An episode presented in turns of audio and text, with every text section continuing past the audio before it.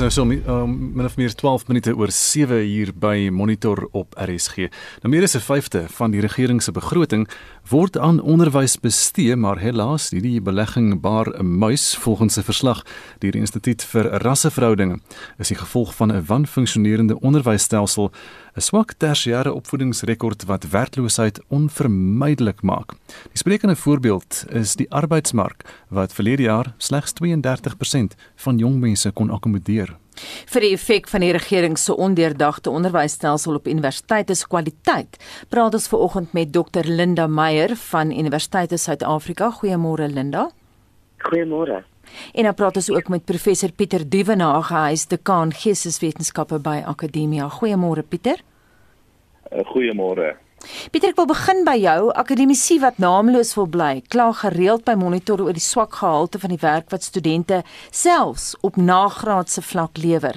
Nou 'n akademikus by Wits sê hy sukkel met ondergraadsstudente wat nie eers kan spel nie. 'n Vooraanstaande Kaapse dosent kla oor die druk wat op hom geplaas word om substandaard studente deur te sit. Nou Pieter, jy was vir 10 jaar tot 2018 by Koffsies. Jy was 'n filosofieprofessor daar. Hoe het jy dinge ervaar? Um, baie soortgelyk uh, aan wat nou pas gestel is Anita. Ehm um, ek dink voorgraads en nagraads is daar probleme uh, met studente. Ehm um, die gehalte beslis. Uh, daar selfs uh, universiteite wat hierdie oorbruggingsprogramme het. Jy weet tussen skool en universiteit. En my ehm um, my indruk is en ek is nou nie meer private onderwys maar my indruk vanuit die openbare onderwys maar nog steeds met gesprekke met kollegas daar is dat die standaarde van die voorgraadse studente werklik nie goed is nie en dat nagraads dieselfde ek dink jy het dit uitgewys dat uh, mense self op onneersvlak nie kan spel nie uh, en dan wanneer dit kom by meesters uh, verhandelinge en by doktorsgrade dat die gehalte daar ook nie baie goed is nie. So ek dink wat jy daar aangespreek het en Linda kan dalk verder uitbrei Dit is beslis iets om om baie bekommerd oor te wees.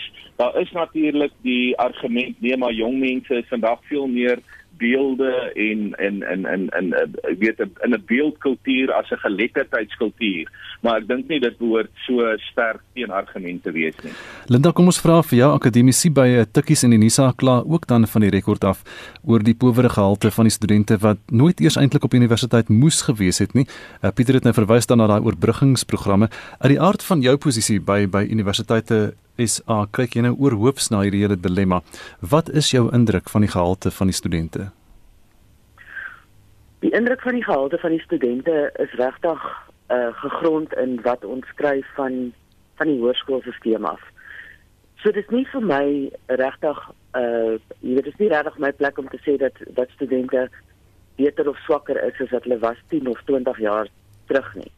Maar wat ons wel sien is dat die studente het meer het meer ondersteuning nodig want hulle kom uit huishoudings uit grootendeels wat nie die die uh benefit het van waar ouers voorheen gestudeer het of die ekonomiese situasie in die huishouding laat nie toe dat die kind uh uit uit 'n uh, goeie fondasie uitkom noodsaaklik wat hulle bystaan nie maar jy weet dit dit ook gesê is daar studente wat uit baie arme huishoudings uitkom en en 10 en 11 onderskeidings kry. So wat is die fondasieprogram? Wat is hierdie oorbruggingsprogram wat die universiteite mee besig is? En dit is nie 'n nuwe ding nie. Hierdie oorbruggingsprogramme uh, hmm. kom al van die 90's ja. af. Dis nie iets wat niks nou iewers opgeduik het nie.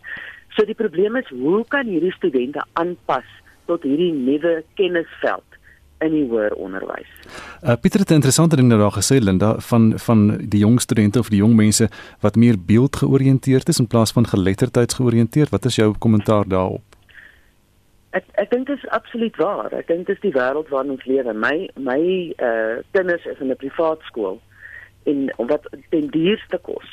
Maar hulle kan nie ordentlik spel nie. Hulle skryf in hierdie SMS taal. Ja. Die wêreld die wêreld wat verander. So ek dink dit is ek dink ons kan baie meer doen met ons onderwys. Die groot probleem vir my is die kwaliteit van standaarde en hoe ons kinders besit met net oor die 30% en 40% vertale en dan verwag het hulle in in in of hulle kry 50% op die absolute minimum en dan verwag dat hulle in universiteitsstruktuur dan moet inbeweeg en kan funksioneer. Dis onrealisties. So die die die spesifieke ding is nie net oor wat die skoolgehalte is nie, dis regtig om te adresseer wat die onderliggende kwaliteitsfaktore is wat studente gaan bekwam maak om op universiteitsvlak suksesvol te kan wees. Nou een dosent het aan my gesê 60%, 60% van studente hoort in die eerste plek nie op universiteit nie. En 'n ander akademikus het ons universiteite aan my beskryf in sy woorde niks anders as welsynsorganisasies nie. Wat is jou reaksie daarop Pieter? Ja, dit is uh dis sterk uitlatings en ek dink 'n mens moet dit baie ernstig opneem. Ehm um, ek dink dat uh die dilemma is natuurlik in die twee ehm um, woorde hier wat onmiddellik na vore kom of begrippe is in een gang aan die een kant toegang uh, waarop die regering baie sterk staan en aan die ander kant kwaliteit uh onderwys of hoë standaarde wat nagestreef moet word by universiteit. En dit is die dit is die knyptang waarbinne hierdie debat gevoer word. Nou as 'n mens hierdie vraag behoorlik op wil beantwoord Anita, dan moet jy kyk na die grotere kom ons sê maar onderwysstelsel, nê? Nee? Dan moet jy kyk hoe die regering sake sien, want ons ons praat nou hier meer sistemiese dinge. Jy weet hoe die onderwys uitspeel met studente en wat die kwaliteit van studente en so meer is in die verhouding tussen skool en universiteit en hoe die studente deurvloei. Maar as mens na die groter prentjie kyk, dan wil die regering ten alle koste toegang so ver as moontlik voor standaarde plaas en dit hang natuurlik met die hele onderwysfilosofie van die staat saam. Daaroor kan ons ook nog lank praat, ehm um, um, maar net vir die uh, vir om dit net daar vir 'n oomblik te laat.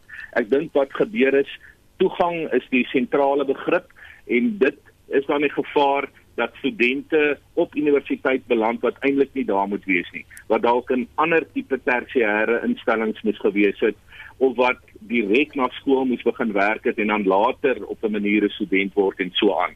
Met ander woorde, ons het nie 'n ons het nie 'n goeie stelsel om die werklike studente te kan skei van die studente wat gewoon net gaan studeer omdat hulle nie 'n ander opsie het nie en die staat gee hulle hierdie geleentheid en ook met beurse uh, die Nesvas ehm um, uh, beurse waarmee hulle kan in die openbare universiteite studeer. Mm -hmm. So dit is 'n uh, dis werklik 'n groot uh, probleem wat moet aangespreek word en ek dink jou vraag het die het die vinger op die regte plek gelê.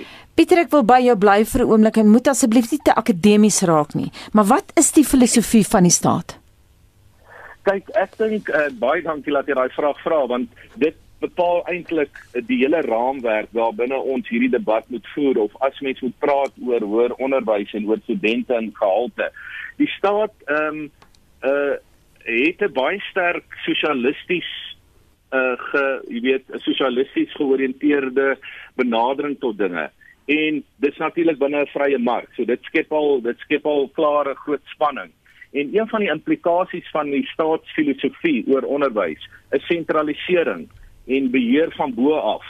Ehm uh, en dit het natuurlik geweldige gevolge vir onderwys want dit beteken dat die meeste Suid-Afrikaanse universiteite en die nie almal nie is is word eintlik so staatsdepartemente bestuur en dit het natuurlik ehm um, implikasies vir die baie belangrike begrip van ehm um, akademiese onafhanklikheid. Nou ons weet akademiese onafhanklikheid kan nooit iets absoluut wees nie maar lande wat vooruitgaan, lande wat ehm um, geken word deur hulle voortreffelikheid.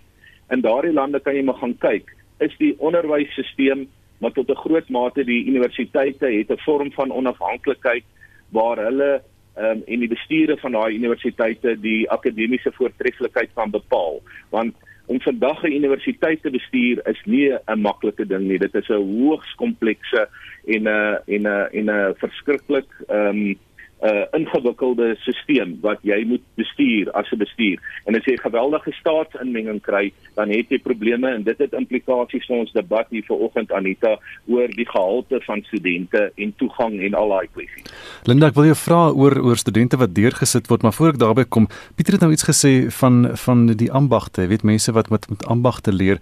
As jy kyk na stelsels oor see, ek dink nou aan die Euro Europese stelsels, is daar 'n groot stelsel wat juis uh, tegnies ingerig is, ambagte mense oplei en hulle so in die stelsel opneem. Hoe vergelyk dit met Suid-Afrika waar ons al die akademiese universiteite het, maar hoe swak is ons ambag en tegniese eh, stelsel daarnaas?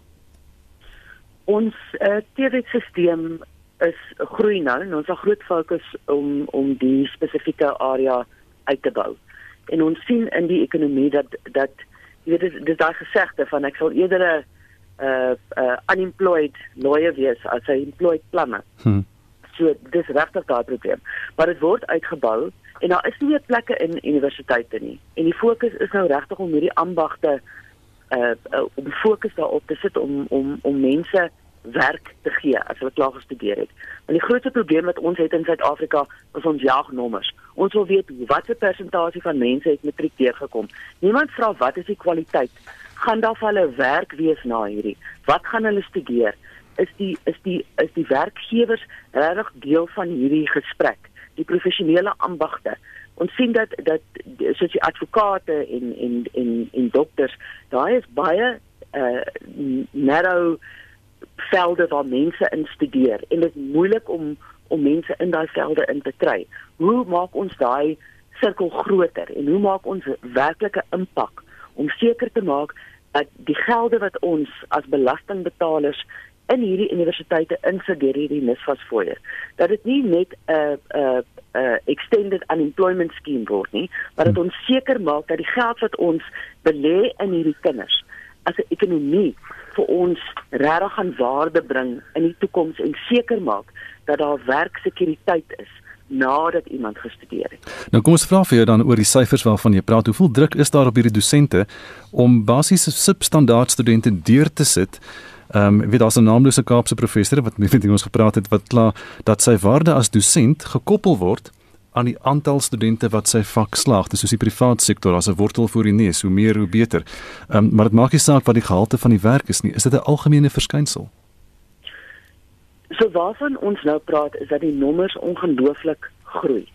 En daar's daar's iets wat ons nou verwys as die deur die, die throughput rate. Uh, miskien kan die professor my net help met die Afrikaanse woord daar.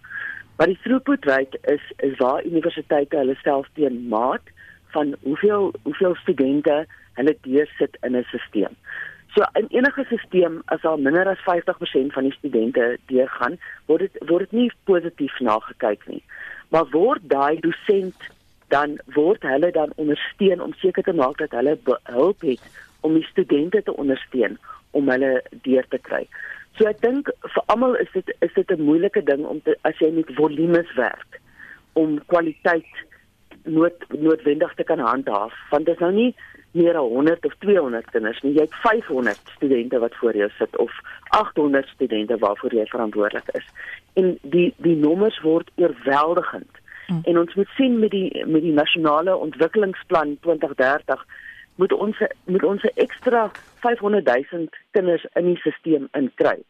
So hoe handhaaf ons hierdie kwaliteit sonder om die dosente absoluut moedeloos te maak in die proses? Want die die kwaliteit, die kurrikulum, die die syllabus uitslaa, die hoe ons dit implementeer, het nie verskriklik die kwaliteitstandaarde van die eksamens het nie verskriklik verander nie. En die die die uh, Council for Higher Education hou goed oog op, op wat op daardie ontwikkeling is. Maar vir my is die groot probleem dat ons nommers jaag. En die tweede in in ons uh, investment en die tweede ding is dat ons regtig ondersteuning moet gee om die stelsel seker te maak dat kwaliteit nooit verlore raak in die proses nie want dit is oorweldigend. As jy pas by ons aangesluit het, dis 7:25 jy luister na Monitor. Ons praat veraloggend oor die effek van die regering se ondeurdagte onderwysstelsel op universiteite se kwaliteit en ons gaste is Dr Linda Meyer van Universiteit Suid-Afrika en professor Pieter Dievenage, dekaan geesteswetenskappe by Akademia.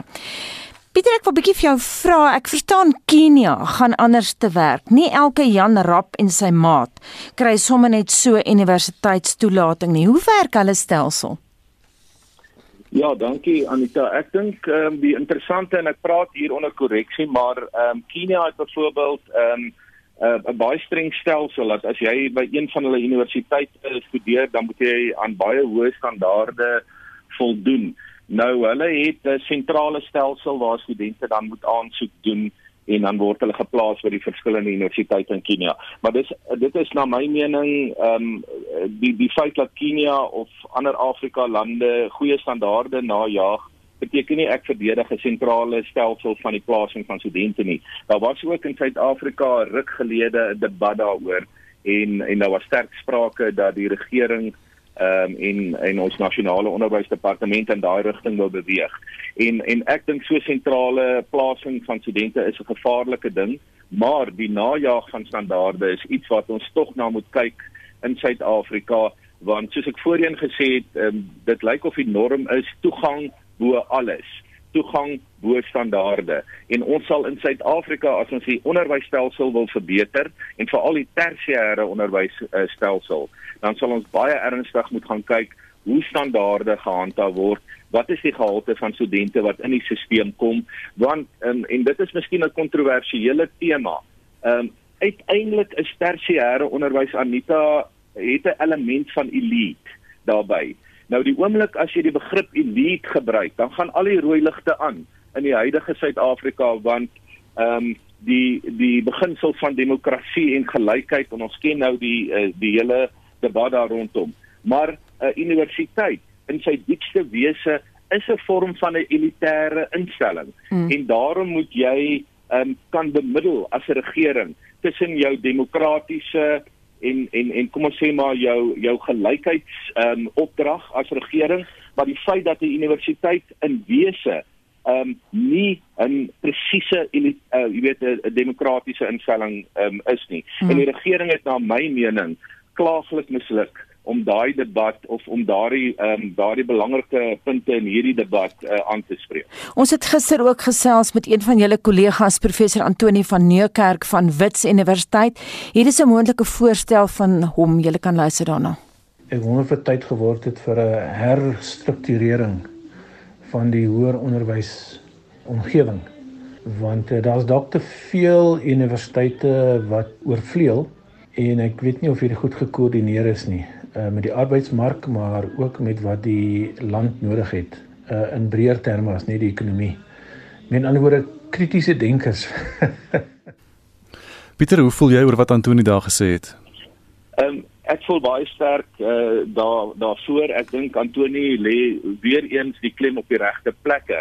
Ons sal moet in Suid-Afrika baie ernstig gaan dink oor die hele tersiêre hoër onderwysstelsel.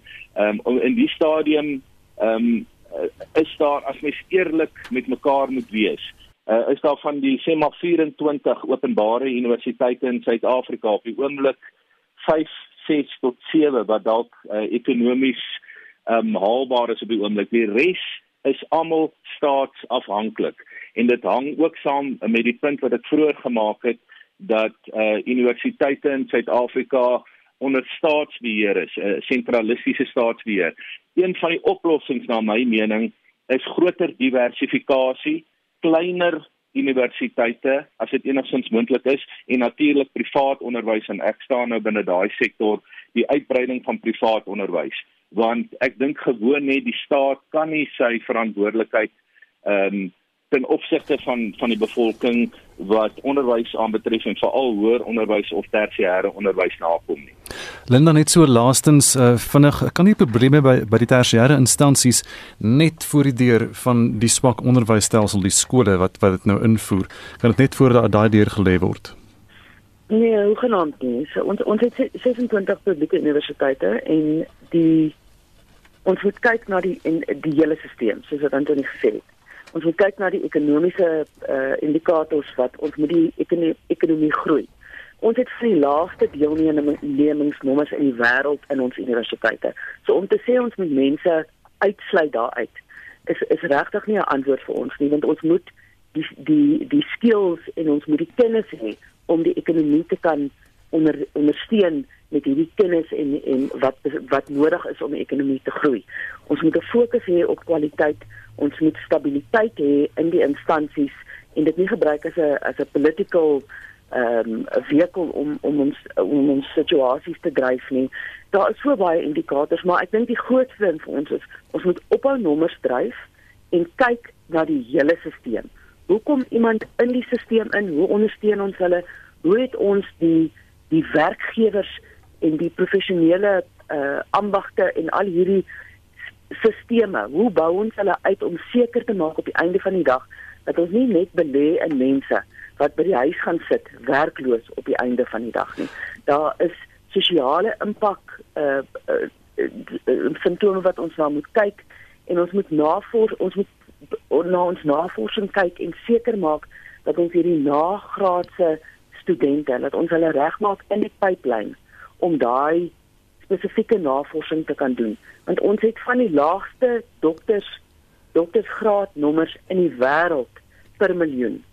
En ons moet kyk na die wêreld en wat gebeur. Maar ons moet ook binne ons eie land kyk hoe ons hierdie stelsels kan regmaak sodat dit nie net uh, as ons praat van elites dat dit 'n elitist element is om universiteit toe te gaan. Dis nie dis regtig nie vir ons 'n antwoord in die globale probleem nie, want ons moet comparatively moet ons met die res van die wêreld dieselfde kwaliteit en nommers kan uitsit in die mark om die ekonomie te Linda baie dankie. Ons kan nog blank hieroor gesels Dr. Linda Meyer van Universiteit Suid-Afrika en eh, professor Pieter Dievenage, dekaan van Geesteswetenskappe by Akademia. Jean, wat dink jy luisteraars? Wel, Andrew sê ek is nou matriek is in Witbank, daar is nie vak ehm um, leerlinggeleenthede nie.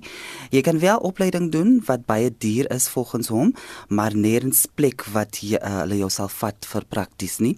Christodien Mills skryf met inligtingstegnologie kan niemand verkeerd gaan nie. Studeer klaar en gaan maak geld in die buiteland of werk van die huis af vir maatskappye soos Amazon.com, Google of Facebook.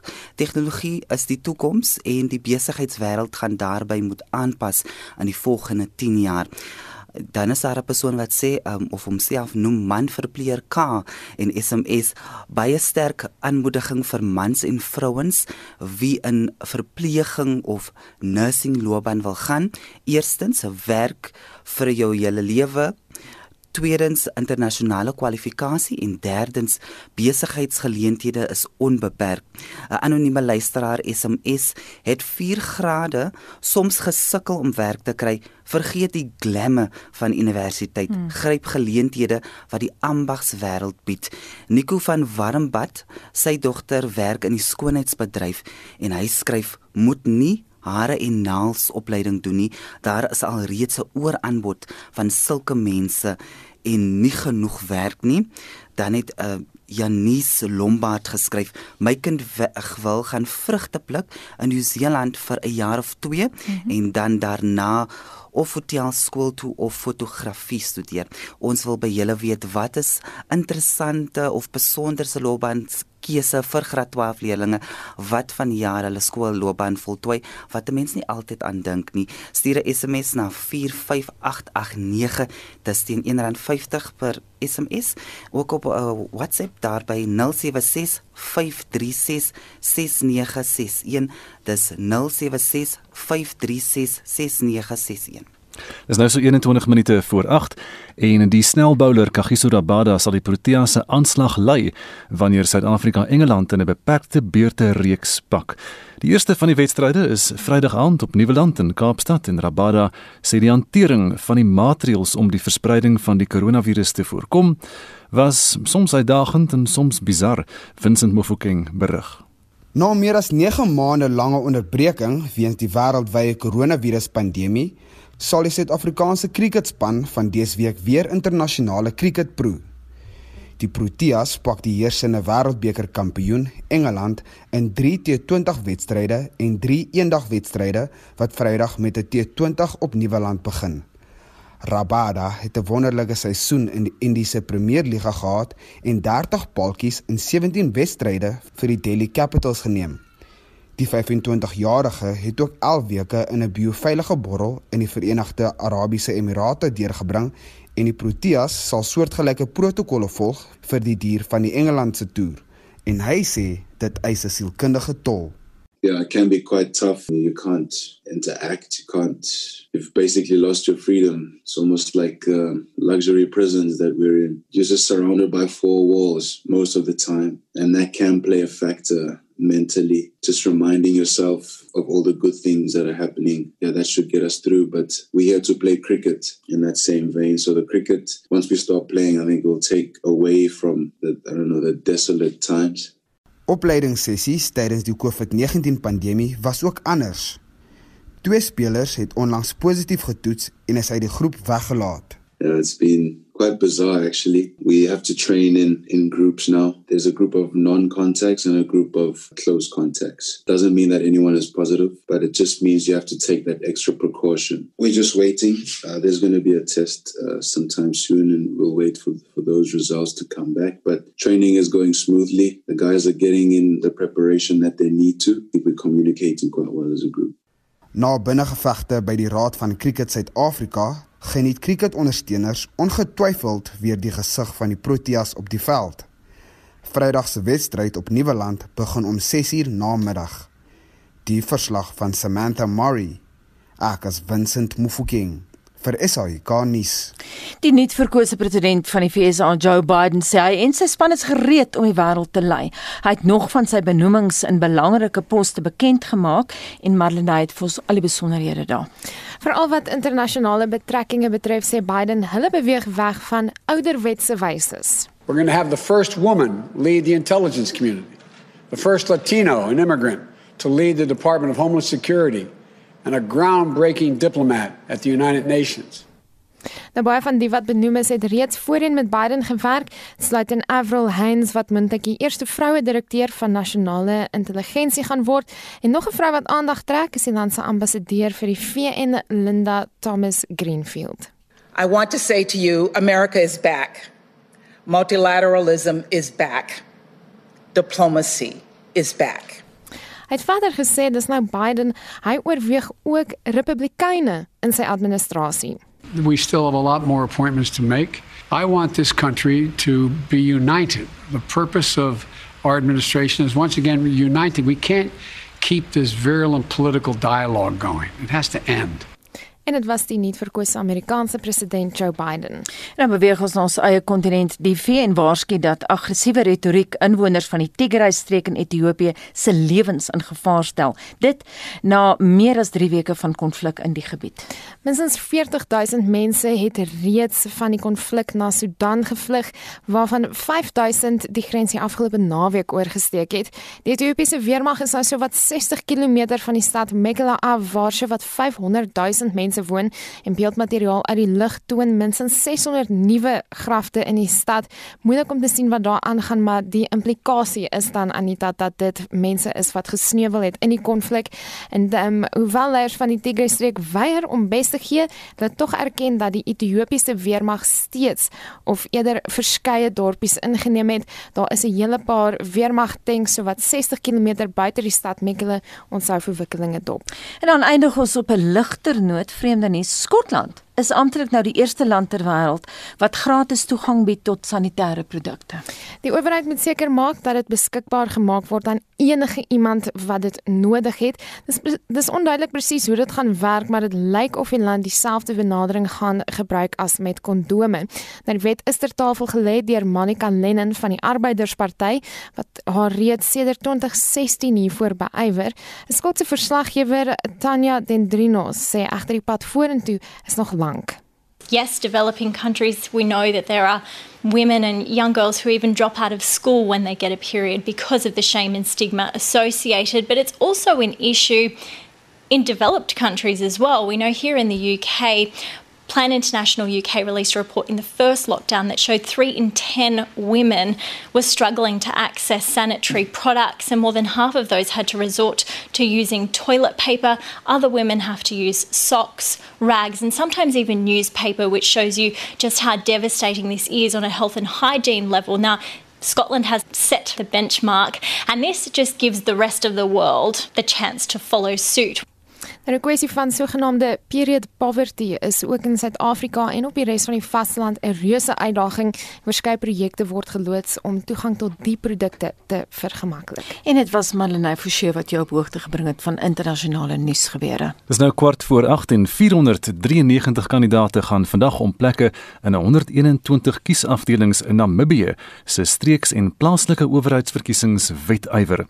93 van hulle staan as onafhanklikes wat onlangs eers deur die Hoërhof goedgekeur is.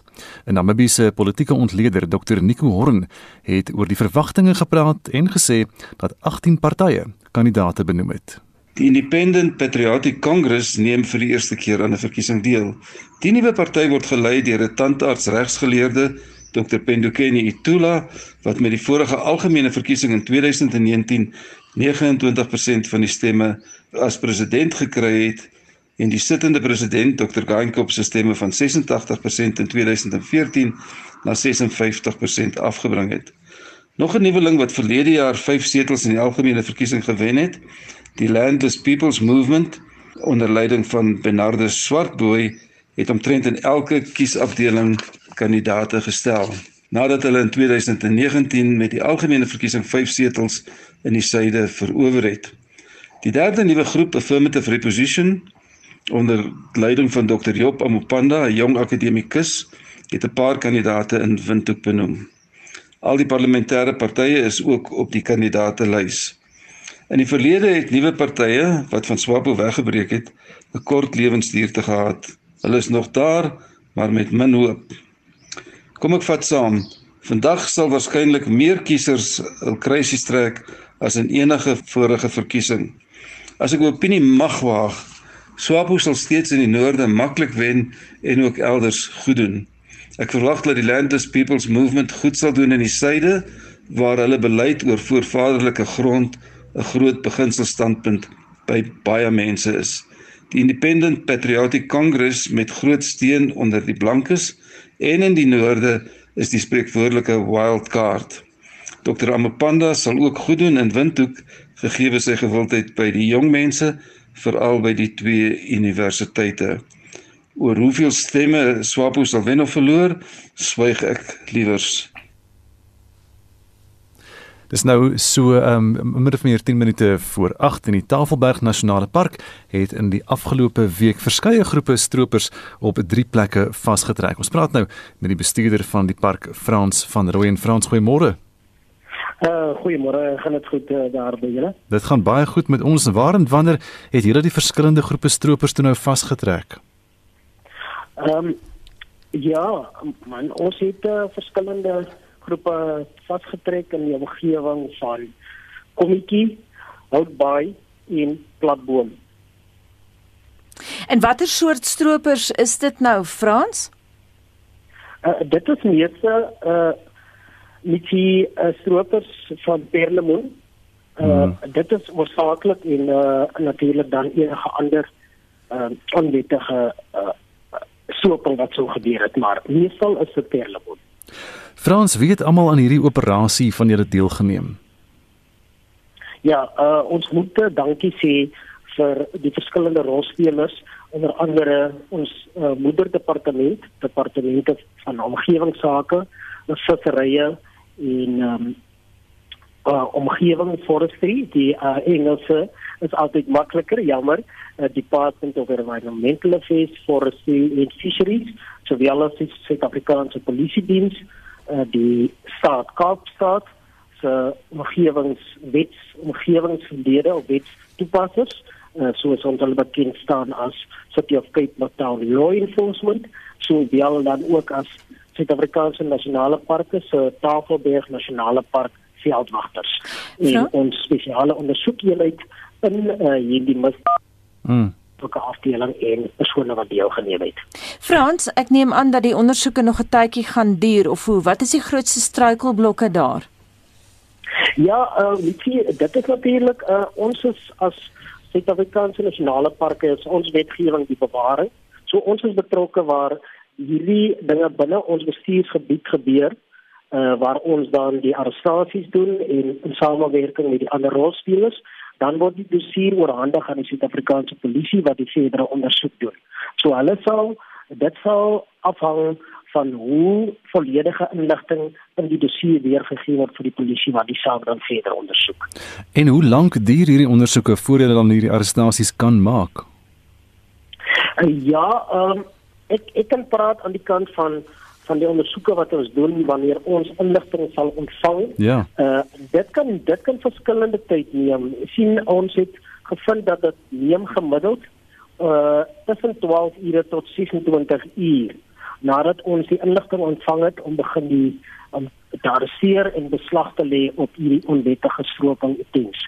So dit kan uh tussen 12 en 26 ure neem baie keer is dit groot groepe van vanaf tot 13 tot 75 uh, persone en tot en met soveel as sewe voertuie wat baie keer betrokke is wat dit wat dit op 'n lang operasie kan neem. Daar selfs operasies wat al kan wat neem van tot 3 dae en en en nagte deur. Dan uh, werk ons personeel deernag en tot op 3 dae om arrestasie te maak. Frans, maak dit vir julle moeilik dat hierdie Tafelberg Nasionale Park basies nie omheind is nie. Mens weet nie altyd waar begin die park en waar nie. Dit is dis net 'n oop, dis oop vir almal. Dit is korrek ja. Dit is altyd die uitdaging wat ons sit met 'n oop uh, toe enige toegangs uh, park. Uh, ons het 'n uh, gedeelte heiling aan ons suidekant, maar selfs daar het ons ook al ervaar dat daar baie gedeeltes is wat uh, hierdie oortreders maar net eenvoudig die heiling beskadig hmm. en hulle maniere kry om binne te kom, maar ja, die meer as 60% van die park is 'n oop stelsel wat dit natuurlik baie moeilik maak om te keer dat hierdie onwettige persone die park en dan hierdie marine gedeelte binne gaan. Frans mens hoor so dikwels en ook uh, kollegas het al stories gedoen oor stroopers wat mense intimideer. Hoe suksesvol is die polisie tot dusver om hierdie mense te vang en toe te sluit en hoeveel van die polisie is betrokke by die stropery? O nee, ek ek het, ek het glad ek het glad nie by uh uh by moontlikheid om daar om daar te kan antwoord nie. Ons mm -hmm. ons ons vermoed dat dit daar is altyd daar is maar ook korrupsie betrokke wat dit natuurlik die saak moeilik maak om op te los en arrestasies te maak maar daardie inligting het glad nie van enige betrokkeheid van polisie of waar betrokkeheid en hoeveel lede betrokkeheid. Soos ek sê ons sal inligting ontvang uh, dit navolg uh, ons operasies doen om 'n hegtenisneming te doen en 'n dossier oorhandig aan die polisie met al die inligting wat ons het. Frans baie dankie Frans van Rooyen is die bestuurder van die Tafelberg Nasionale Park. Die menseregte organisasie Amnesty Internasionaal wil hê dat regerings moet ophou om vergrype te pleeg. Hulle vra dat gewone burgers briewe aan hulle eie lande se regerings moet skryf omdat dit volgens hulle moeilik sou wees om duisende briewe oor dieselfde tema te ignoreer. Die organisasie se sogenaamde Right for Rights wekgroep word as die grootste menseregte veldtog ter wêreld beskou. Anne-Marie Jansen van Vuur in die agtergrond. Amnesty Internasionaal se hoofveldtogbeampte in Suid-Afrika, Jennifer Wells, sê die sogenaamde Right for Rights veldtog het 11 jaar gelede in Pole begin. after a local group coordinator in Warsaw met a girl who told him about her experience in Africa organizing 24 hour events to write protest letters to governments. After that initial meeting, they decided to write letters for 24 hours straight and then count how many they'd written. They then emailed the idea to other Polish groups, and the idea became bigger and united activists across the country. Once they saw the idea catching on, they emailed Amnesty's offices worldwide and soon received pictures from activists around the globe writing letters in Canada, Japan, Mongolia, and it kept growing from there.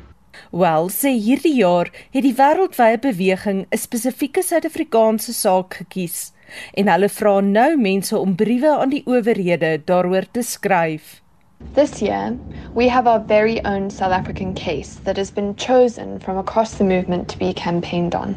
The South Africa case this year is the tragic story of two young girls and best friends, Poppy and Bongeka, who were brutally murdered and allegedly raped in 2017 on their way to a night out. The police investigation that followed was riddled with negligence and apathy, and as a result, two suspects were released and the case was withdrawn, citing a lack of evidence. In the three years since they were killed, no thorough investigation has taken place, nor justice served. So we are calling on the Minister of Police, Becky Cele, to launch a thorough, fair, and impartial investigation into the case, and for the MPA to then prosecute the case. Such cases of GBV cannot continue.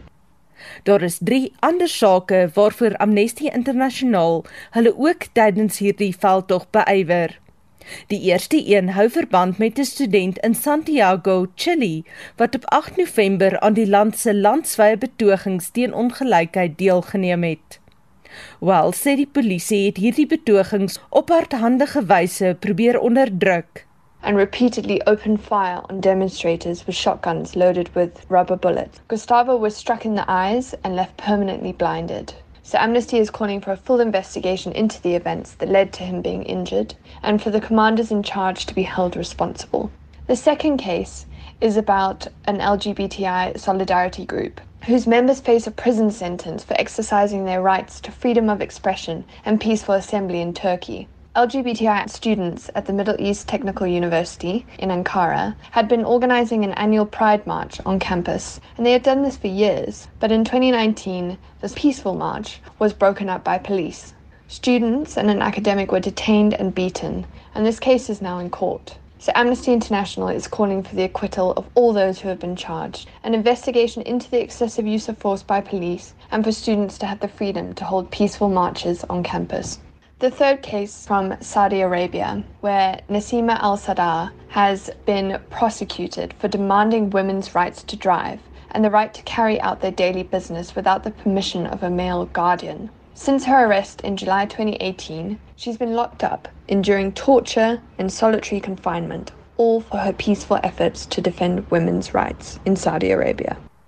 Maar werk hierdie tipe veldtogte regtig om 'n verskil te maak? Wells glo so. A single letter to the authorities might be brushed aside or ignored, but hundreds of thousands of letters, all calling for human rights change, are much harder to ignore. We know now from decades of campaigning that writing letters does change lives. Over the years, prisoners have had their conditions improved, investigations have been opened, and prisoners of conscience have even been released. So wat is hul doelwit vir hierdie jaar se veldtog? The first one is to achieve concrete changes in the lives of the people whose cases we are featuring as soon as possible. The second is to get amnesty activists to feel connected, both with the people on whose behalf we are campaigning, as well as to one another as activists around the world. Right for Rights is all about individuals helping other individuals, and this way of expressing our shared humanity has never been more important nor relevant. Governments must respond to this widespread desire for change by delivering justice to those whose human rights are being attacked. Please visit www.amnesty.org to take action. Dit was Jennifer Wells, Suid-Afrika se hoof veldtogbeampte van Amnesty Internasionaal se Right for Rights veldtog. Ek is Anne Marie Jansen van Vuren vir SAK nuus.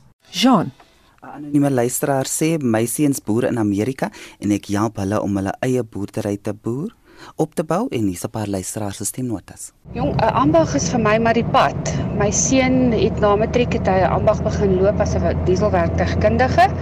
Hy het gekwalifiseer in sy 4 jaar wat toegelaat was. Hy het vrek hard gewerk. Hy het nagte omgewerk, nagte omgestudeer, fisiese harde werk gedoen. En vandag hy's 30 jaar oud, hy het sy eie besigheid. Maar jy moet insit. Jy kan nie op die bank sit en verwag alles gaan in jou skoot val nie. Jy moet hard werk. Hy het fisiese harde werk gedoen. Hy was in die reën, in die storms, in die haal, moes hy maar gaan en gaan regmaak wat gebreek het. En dan sê Jean in Johannesburg daar is 'n tekort aan professionele waardeerders in Suid-Afrika. Dankie dat julle saamgesels het. Maar nou lyk die dagboek vir Spectrum later. Die minister van kommunikasie, Stalanda Benny Abrams, breek haar stilte oor die jongse verwikkelinge oor die afleggings by die SAIK. Die Sonderkommissie van ondersoek na staatskaping hervat vandag in Johannesburg en Statistiek Suid-Afrika maak die verbruikersinflasiekoers bekend. En dit was monitor met ons waarnemende uitvoerende regisseur Wessel Pretorius is die man in die warm stoel vanoggend was Hendrik Martin. Ons produksieregisseur Daitron Godfrey. My naam is Anita Visser. Renske Jacobs is reg met die 8 uur nuus net hierna en dan Lenet Fransis Puren se praat saam. Ek is Gustaf Vreiding en ons groet dan tot môreoggend om 6.